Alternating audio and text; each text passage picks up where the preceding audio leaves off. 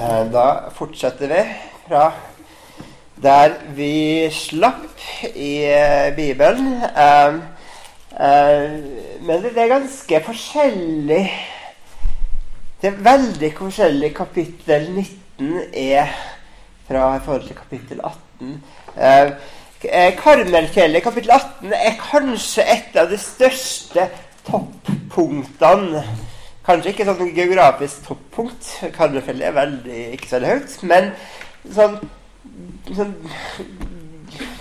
I troen på Herren så Der skjønner hele folket at Herren er Gud. Balprofetene blir utrydda.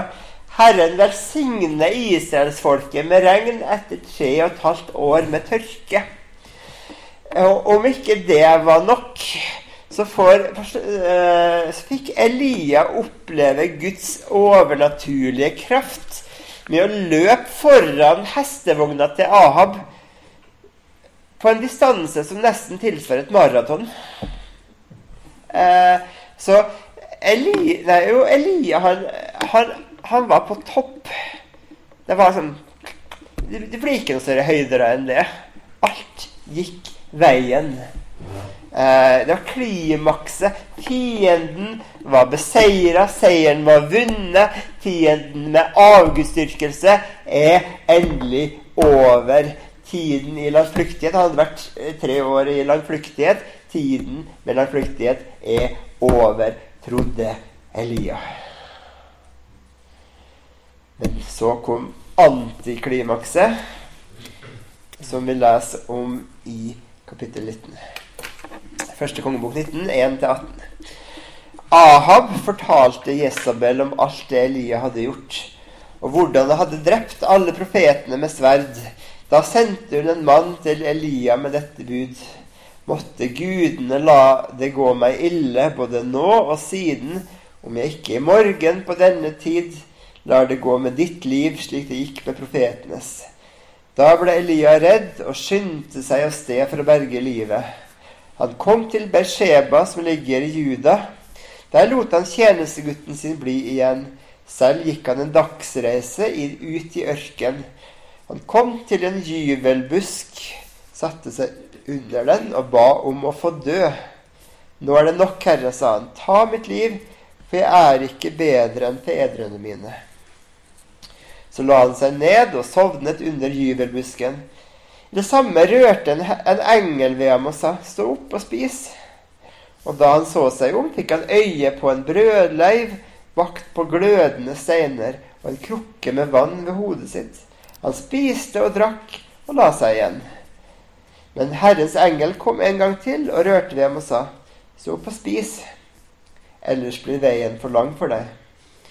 Da sto han opp og spiste og drakk, og styrket av maten gikk han 40 dager og 40 netter til han kom til Guds fjell Horeb. Der gikk han inn i en hule og sov der om natten. Da kom Herrens ord til ham, og det lød så. Hvorfor er du her, Elia? Han svarte, Jeg har vist brennende iver for Herren, herskarenes Gud. For israelittene har forlatt din pakt. Dine alter har de revet ned, og dine profeter har du drept med sverd. Jeg er den eneste som er igjen og nå står de meg etter livet. Da sa Herren, gå ut og still deg opp på fjellet for Herrens ansikt, så vil Herren gå forbi. Foran Herren kom en stor og sterk storm, som kløvde fjell og knuste klipper. Men Herren var ikke i stormen. Etter stormen kom et jordskjelv, men Herren var ikke i jordskjelvet. Etter jordskjelvet en ild, men Herren var ikke i ilden. Etter ilden lyden av skjør stillhet. Da eh, Elia hørte den, dro han kappen for ansiktet, gikk ut og stilte seg i huleåpningen. Da lød det en stemme som sa, 'Hvorfor er du her, Elia?' Han svarte, 'Jeg har vist brennende iver for Herren, herskarenes Gud.' For israelittene har forlatt en pakt Dine altre har de revet ned, og dine profeter har de drept med sverd. Jeg er den eneste som er igjen, og nå står de meg etter livet. Da sa Herre til han, Gå tilbake den veien du kom. Ta så veien gjennom ødemarken til Damaskus. Når du kommer dit, skal du salve Hasael til konge over arameerne. Jehu, sønn av Nimish, skal du salve til konge over Israel. Og Elisha, sønn av Shafat fra Abel Mehola, skal salve til profet etter deg. Det skal gå slik at den som slipper unna Hasaels sverd, skal Jehu drepe. Og den som slipper unna Jehus sverd, skal Elisha drepe. Men jeg vil la 1000 7000 eh, bli igjen i Israel. Alle som ikke har bøyd kne for Bal og ikke har kysset ham med sin munn. Ok. Eh, veien fra topp til bunn kan være ganske kort her i livet. Fra toppunktet på Karmelfjellet så kommer Elia til bunnpunktet. Ute i ørken, dagsreise fra Bersheba under en jubelbusk. Elia var full av frykt og skuffelse. Eh, og nå er jeg på ingen måte noen psykolog, eh, men det virker på meg som det er klassiske tegn til depresjon. Eh, alt er svart. Alt er mørkt. Det er ingen lyspunkt. Alt er fælt. Han er likegyldig. Han er likegyldig til alt. Han er likegyldig til tjenesten som profet. Han er likegyldig til Gud. Han er til og med likegyldig til sitt eget liv. Uh, alt han vil gjøre, er å legge seg ned og sove. Ja, det minner om en depresjon. Uh, og til alle som har vært, eller som kanskje de er på et, et eller annet bunnpunkt, det kan være flere bunnpunkt i livet, legg merke til to ting her i teksten. Gud For det første, Gud tillater sin tjener å oppleve bunnpunktet. Gud hindrer ikke bunnpunktet fra å skje. Kan en god Gud tillate så mye lidelse? spør folk. Ja, sier Bibelen. Gud tillater sin fremste tjener å komme på bunn. Det andre tingen du skal legge merke til Elia er der ikke alene. Gud er på bunnen sammen med Elia. Der ute i ørkenen, en dagsreise fra Besheba, under gyvelbusken Gud er der. Depresjon, skuffelse, håpløshet Når ting er vanskelig på innsida, det er ikke et tegn på at Gud er borte. Ikke et tegn på at jeg har forlatt Gud, eller at Gud har forlatt meg. Gud kan la det, kan la det kjipe skje, men han forlater meg ikke i det. Gud er der sammen, sjøl om jeg ikke kanskje føler det sånn. Jeg kan føle meg aldri selv. Kanskje følt Elias seg helt alene. Jeg vet ikke. Men jeg var ikke alene. Så vil jeg du skal legge merke til hva Gud gjør, og faktisk også hva Gud ikke gjør der ute i ørkenen. Gud starter ikke med å refse. Slutt å synes synd på deg, da, Elia. Ikke vær mismodig. Ja, men ta deg sammen, mann. Oppfør deg som en mann. Oppfør deg som en profet. Eh, du er Elia, sant? Og det her er flaut. Kom igjen. Jeg sier ikke det. Skjerp deg, mann. Jeg sier ikke det. Eller han kommer heller ikke med så mange enkle råd. Elia, du må bare be mer, så går det bra. Eller du må stole mer på Gud, Elia. Elia, du må, du må tenke positivt, Elia. Se på alt det gode, Elia. Eh, jeg sier ikke det. Alle som har vært skikkelig derfor, vet hvor irriterende det er med enkle bananråd når ting er veldig komplisert. Faktisk, Gud sier nesten ingenting. Gud sier veldig lite i starten. Vet du hva Gud gjør? Det han gjør, Gud lager mat. Det er det Gud gjør når Elia har det vanskelig. Han lager kaker, det brødleiv, en krukke med vann. Det gjør Gud. Så lar han Elia sove. Han trenger hvile. Men man lar ikke livet bli sovende. Altså, når man er deprimert, så vil man kanskje bare sove og sove. og sove. Han lar den ikke bli, bare bli sovende. Han vekker han når han trenger det. Eh, så, kaller, så det som Gud gjør Gud kaller Elia til ei vandring.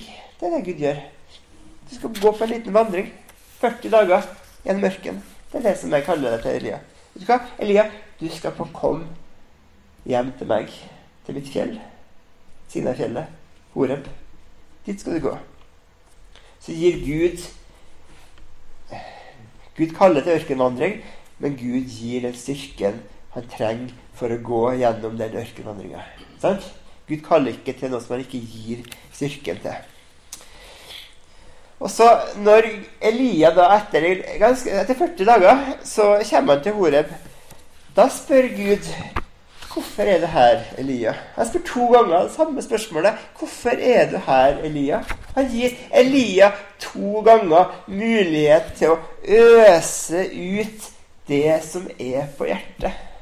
Eh, ikke at ikke Gud vet det. Eh, det var Gud som kalte ham litt. Gud kjenner alt. Men han lar Elia få sette ord på det. Hvorfor er du her? Eh, så la han fortelle sine ting. Eh, og så har en, i det som Elias sier, så er det ting som ikke helt stemmer. Det er en misforståelse. Han kunne igjen ha eh, Det er bare meg igjen. Så kunne han kjefta på ham at det er løgn. Elias stemmer ikke. Du visste bedre også. Men eh, det er ikke det. Det, blir, ikke noe kjennepreken å få. Vet du hva Gud gjør? Gud lar Elia få et glimt av seg. Det er det som Gud gjør. Så god og stor er Gud.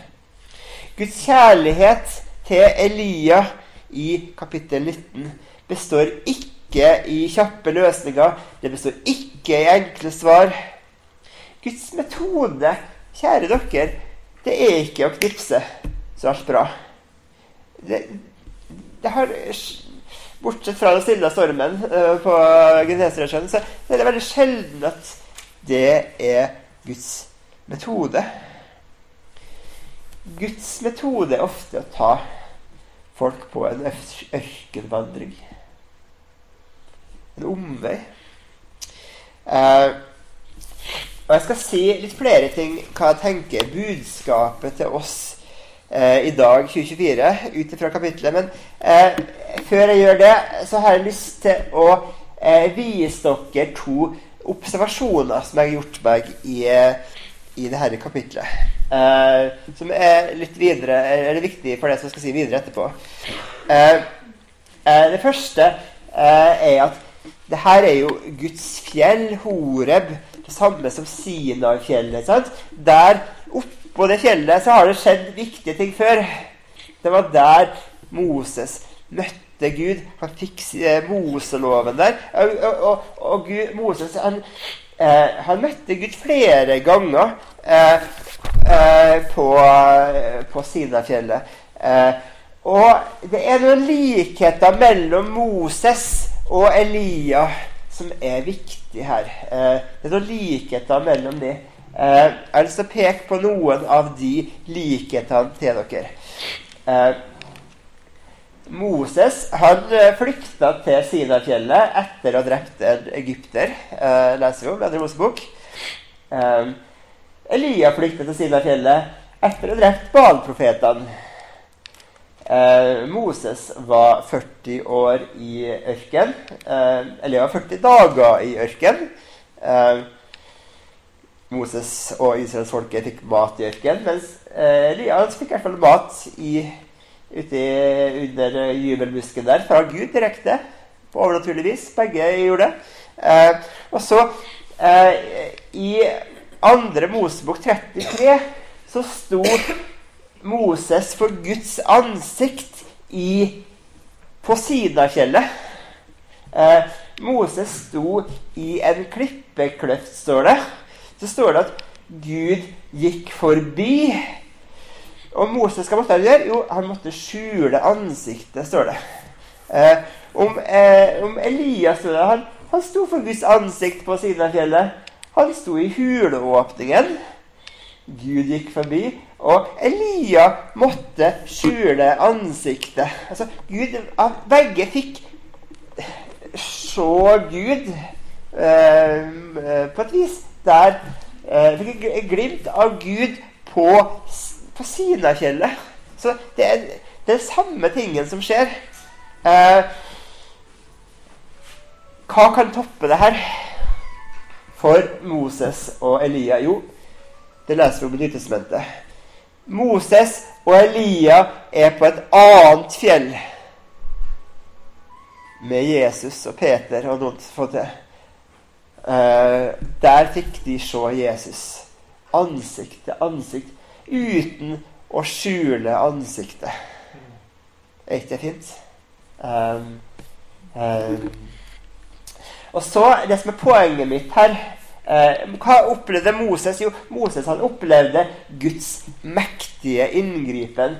Uh, han opplevde den i Det står at det var vinden som kløyvde kløyvde Rødehavet i to, står det. Uh, han fikk den mektige vinden her fikk han fikk oppleve jordskjelvet ved siden av fjellet, så at hele folket eh, Og fjellet kom i fyr og flamme, og folket kom til tro. Mektige, eh, mektige mirakler som de fikk se der.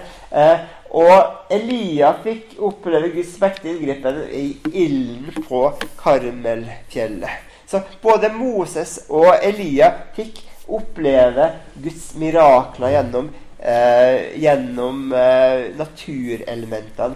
Eh, nå bare nevner jeg det, så komme tilbake til hva jeg tenker kan trekke av det her til lærdom. Nå bare registrerer vi at eh, sånn er det. Eh, det er eh, det andre jeg vil peke på til dere, er det er noen ord som jeg faktisk ikke er så veldig fordøyd med i den bibeloversettelsen som jeg har, 2011-oversettelsen. Eh, der står det det at han hørte lyden av skjør stillhet. Ok? En vakkert, det er vakkert lyden av skjør stillhet. Høres veldig fint ut. Men det gir For meg så liker jeg ikke for det. Det gir ingen mening. Hva er det for noe? Uh, lyden av stillhet, hva er det for noe? Hvordan høres stillhet ut? Det høres ingenting. Uh, um, og hva er budskapet i at Gud er i lyden av stillhet? Det sier absolutt ingenting. Gud er i lyden av stillhet. Um, uh, så jeg syns det der er dårlig oversatt. Uh, hvis man ser andre bibler, så er det oversatt annerledes. Noen har oversatt det med lyden av en stille susing. Okay? Eh, da skjønner vi at man hører noen ting, i hvert fall. Eh, det gir litt mer mening. Men, men hva, er, er, Gud i susing? Ja, det er litt rart. Eh, så er det noen bibeloversettelser som har en svak hvisking eh, der eh, hvor, hvor, Gud er. Og det er den bibeloversettelsen jeg syns er mest troverdig. Eh, eh, og spørsmålet her er jo det hebraiske ordet ja, kol, eller jeg vet ikke hvordan man skal egentlig si det på hebraisk, som både kan oversettes med lyd, og det kan oversettes med stemme.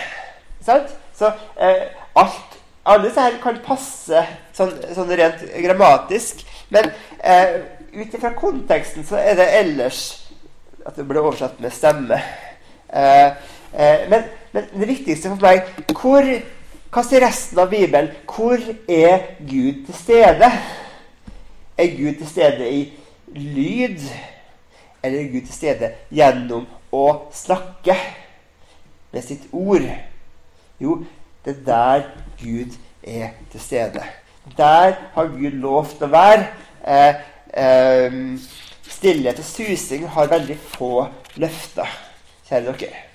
Eh, eh så jeg tenker at eh, Gud var til stede i den svake hviskingen. Ok. Eh, hva er det vi leser om på, på Sinafjellet? Jo, jeg tenker om så Gud inviterer Elia hjem på en kopp kaffe. Det er det som skjer. Eh, jeg ser for meg at Gud setter seg i, på, på, kjøkkenet, og så eh, kommer Gud med kaffetrakteren når du har en kopp kaffe. Ok, vi skal ta en, skal skal ta en prat, Elia. Jeg har lyst til å fortelle deg noen ting, Elia, hvordan jeg jobber. Så sier Gud Husker du Elia når israelsfolket gikk gjennom Rødehavet? Husker du det? Ja, husker det. De så min kraft gjennom at jeg sendte en vind som kløyvde sjøen i to. Vet du hva? Etter det trodde folket på meg. De tilba meg. De sang lovsangen til meg. De lovsangene står i Bibelen. Eh, men etter noen få uker så klaga de over meg igjen, og de lengta tilbake til Egypt. Det, det, det varte ikke så lenge, det som skjedde den vinden. Ok, Elia, husker du når israelsfolket var ved siden av fjellet, når fjellet sto i røyk og skalv i et jordskjelv? Ja, jeg har hørt om det. Da frykta de meg. De var redde. De tilba meg. Men en liten stund etter det så laga de en gullkalv og drev med avgudsdyrkelse. Det satt ikke så lenge, det, det, holdt ikke så lenge, den troen der. Ok, Elia, det samme skjedde på Karmelfjellet. Der så folket min makt gjennom ilden. Det skjønte er en sanne Gud. Men hvor lenge varte det? Det fikk veldig begrensa varighet både for folket og for kong Ahab, rett og slett. Det varte ikke så lenge. Vel, Elia, hvorfor tror du det er sånn? Tror Gud sier. Okay, det er to grunner. For det første sitter synda i mennesker så djupt. Tvil og vantro og likegyldighet kommer snikende alltid. Men det viktigste Jeg var ikke i miraklene. Jeg var ikke i vinden. Jeg var ikke i jordskjelvet. Jeg var ikke i ilden. Jeg var ikke i det. Um. Det var ikke relasjon i det. Altså, eh, jeg ville være med i møtet, men, men mirakler er, er, ikke det som drar meg til relasjon. Eh, det er det det handler om. Å få en relasjon med meg. Eh, og så sier Gud Elia, la du merke til det som nettopp skjedde i hula her. Jeg kalte deg ut av hula. Jeg kalte deg ut, Elia, til å komme ut av hula for å stå for mitt ansikt. Kom ut. Jeg ville møte deg. Men da stormen kom, du ble værende i hula. Da jordskjelvet kom, du ble værende i hula. Da ilden kom, du ble værende i hula. Men når du hørte den svake hviskinga, kom du ut av hula, og du fikk et bøte du fikk en relasjon med meg, Elia. Okay?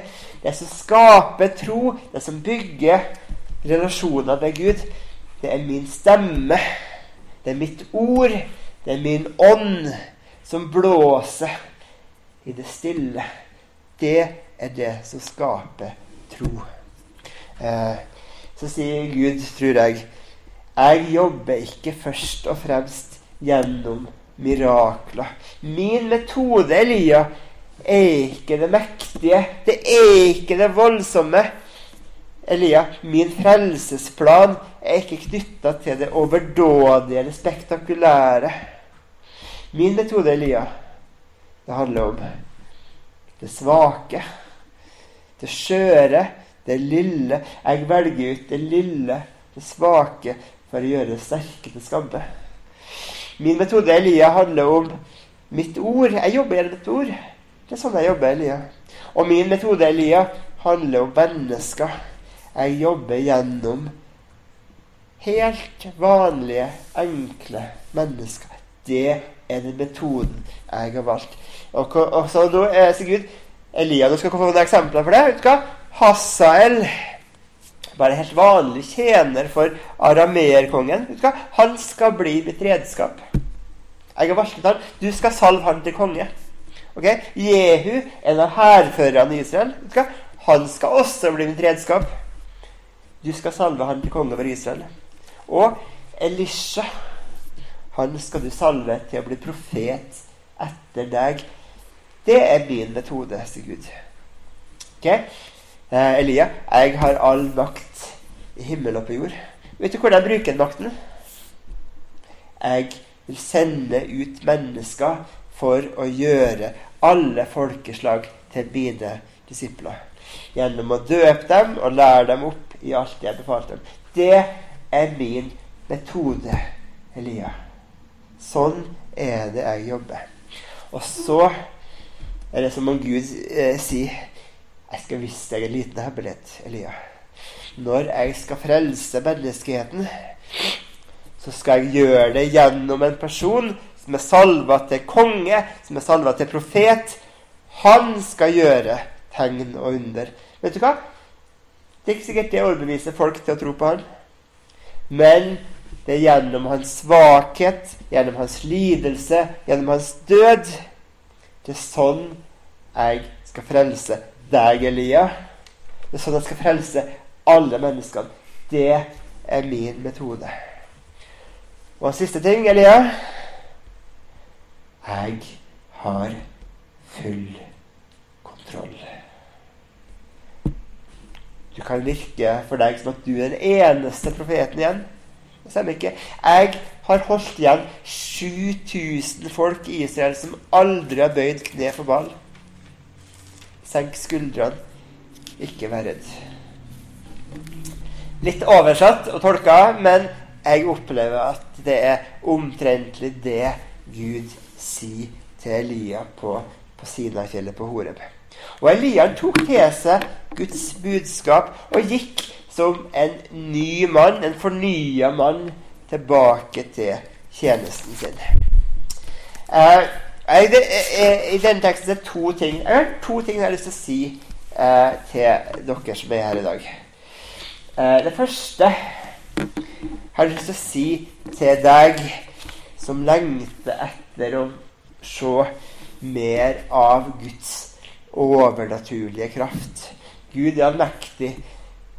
Hvorfor ser vi ikke flere tegn og under og mirakler og helbredelser?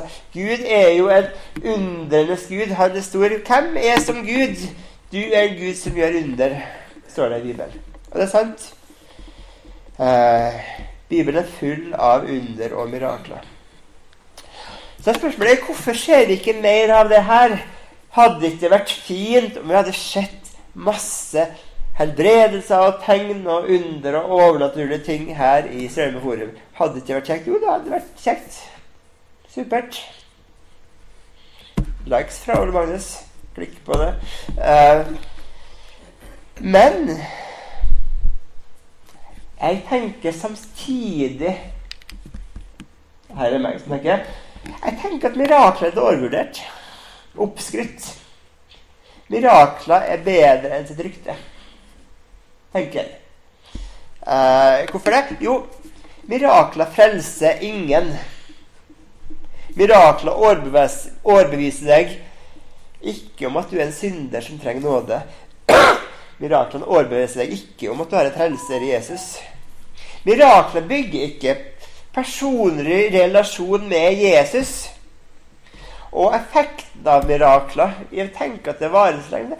Det varer ikke så veldig lenge. jeg.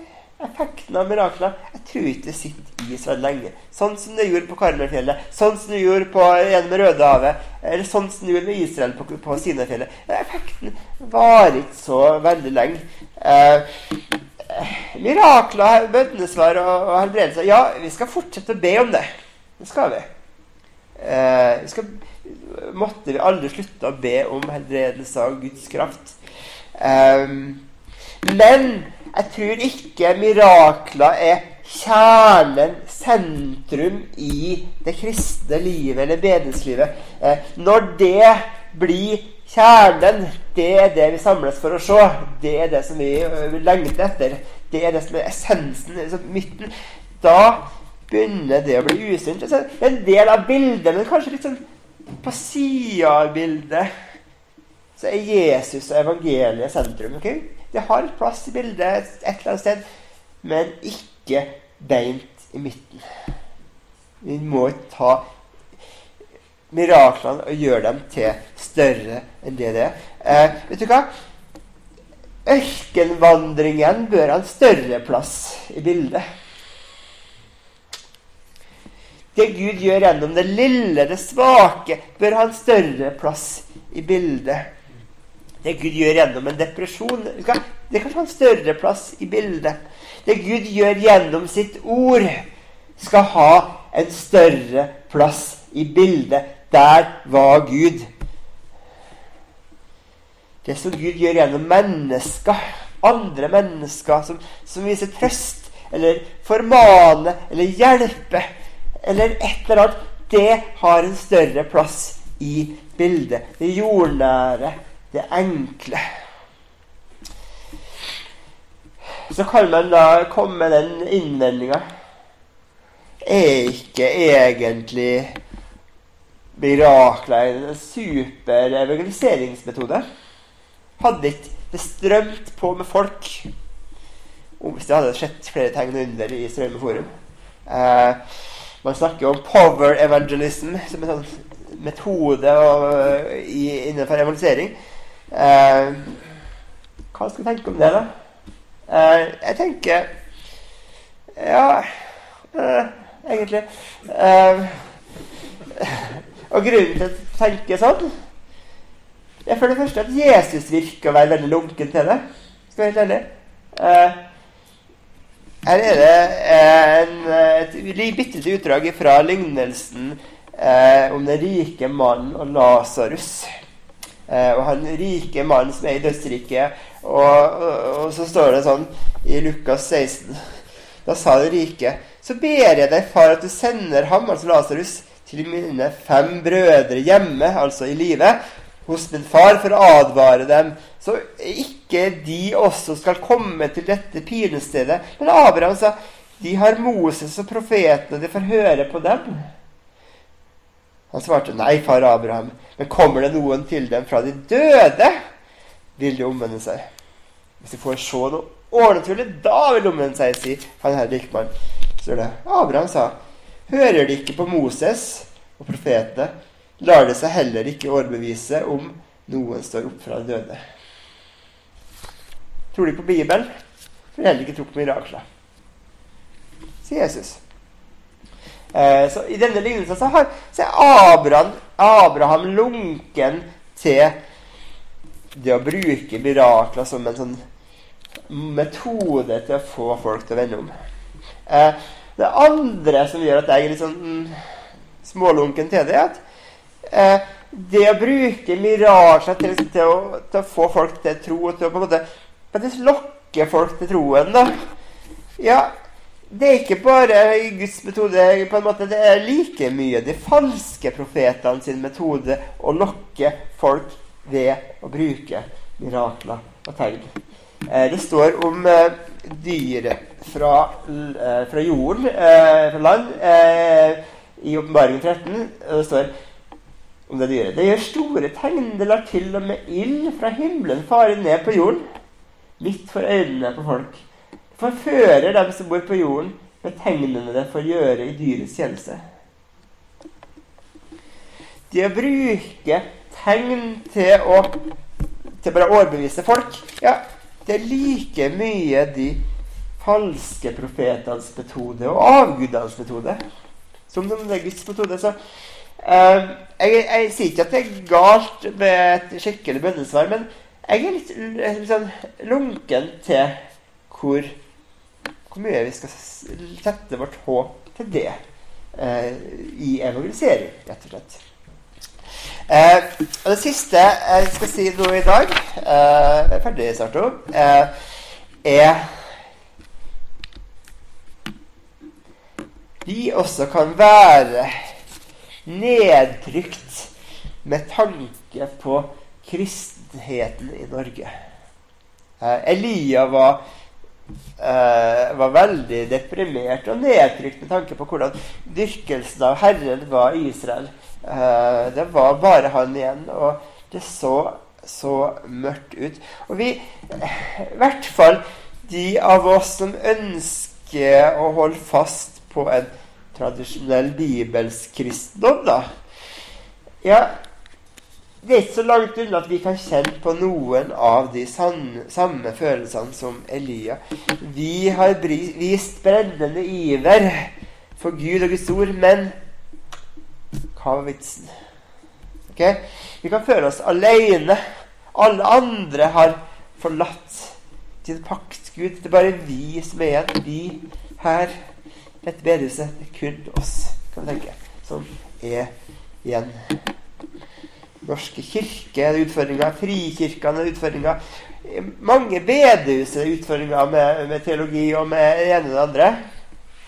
Eh, ting beveger seg liberalteologisk retning. Det er, det er, masse som skjer. Det er konflikter. Det er, det er Når vi hører hva biskoper sier, og mange sier det er, Man kan bli skuffa. Vi kan føle oss pessimistisk. Og så begynte staten å bli liksom eh, trekke på statsstøttekortet. Og det gjør rommet vanskeligere og trangere for de som har lyst til å stå på Bibelen. Eh, så kan vi også bli litt sånn deppa som Elia var. Pessimister. Da tror jeg at Guds budskap til deg som kjenner på noe av det, er det samme som Gud sa til Elia. Ja, her er et bilde på hvordan ting er i dag. Um, budskapet Du er ikke så alene som du tror. Det er mange flere som, har, som ikke har bøyd kne for avgudene enn det du ser. Eh, det er faktisk Akkurat som Gud hvisker. Det er faktisk flere kristne enn de i bedehuset. Ikke si det videre, men uh, Jo da, si det videre. Uh, Gud sier hva? Jeg har holdt igjen tusenvis i Den norske kirke. Jeg har holdt igjen mange pinsemenigheter blant katolikkene folk spør meg til, sikkert, og mange andre sier jeg har holdt igjen folk som ikke har bøyd ned for avgudene. De er overalt. I alle slags jobber og stillinger. De er der. Vet du hva? Gud sier til deg jeg kan bruke alle. Jeg er så stor. Jeg kan bruke alle mennesker. Jeg kan bruke mennesker som ikke tror på Jesus. Faktisk. Jeg kan bruke, jeg kan bruke Hasael og Jehu. Jeg kan bruke muslimer. Jeg kan bruke ateister. Jeg kan faktisk bruke en rød-grønn regjering. Tro det eller ikke, men jeg kan faktisk gjøre det. Ikke tenk smått om hva Gud kan gjøre. Gud har så kontroll. Fullstendig. Så sier Gud Du, ikke se på størrelsen. Ikke på det som skal være stort og mektig og voldsomt. Det var ikke jordskjelvet. Det var ikke ilden og stormen. Det var i det lille. Mitt rike, sier Gud, er som et sennepsfrø. Okay? Det er mindre enn alle andre frø. Men det vokser et stort tre. Vet du hva? Det er min plan hele veien å velge ut det svake, og velge ut det lille for å gjøre store skamme. Min plan, sa Gud, var hele veien å bruke den deprimerte, den sjølgode Elia. Det var min plan. Han var det Gud hadde valgt ut. Min plan, sier Gud, er å bruke deg. Du Herre, vær valgt. Gå og gjør til det. Så sendt, på samme måte som Gud sendte Elia ut til å gjøre sin tjeneste, så sender han ut deg og meg i vår tjeneste. Så sier Gud til slutt Det skal komme en tid jeg skal sende Jesus tilbake som konge. Da skal jeg dømme ondskapen. Alle som gjør det onde, skal få sin dom. Eh, det skal bli rettferdighet. Jeg har all makt. En gang så skal alle forstå det. Men enn så lenge så virker jeg i det lille, det svake. Jeg virker i deg.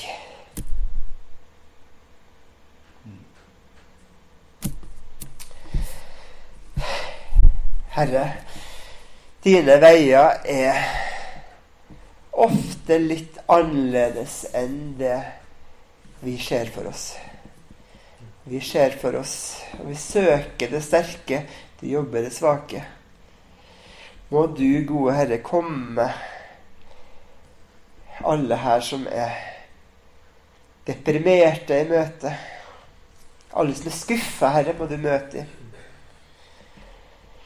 Må du holde alle oss som er her, fast, så ingen her bøyer kne for avgudene.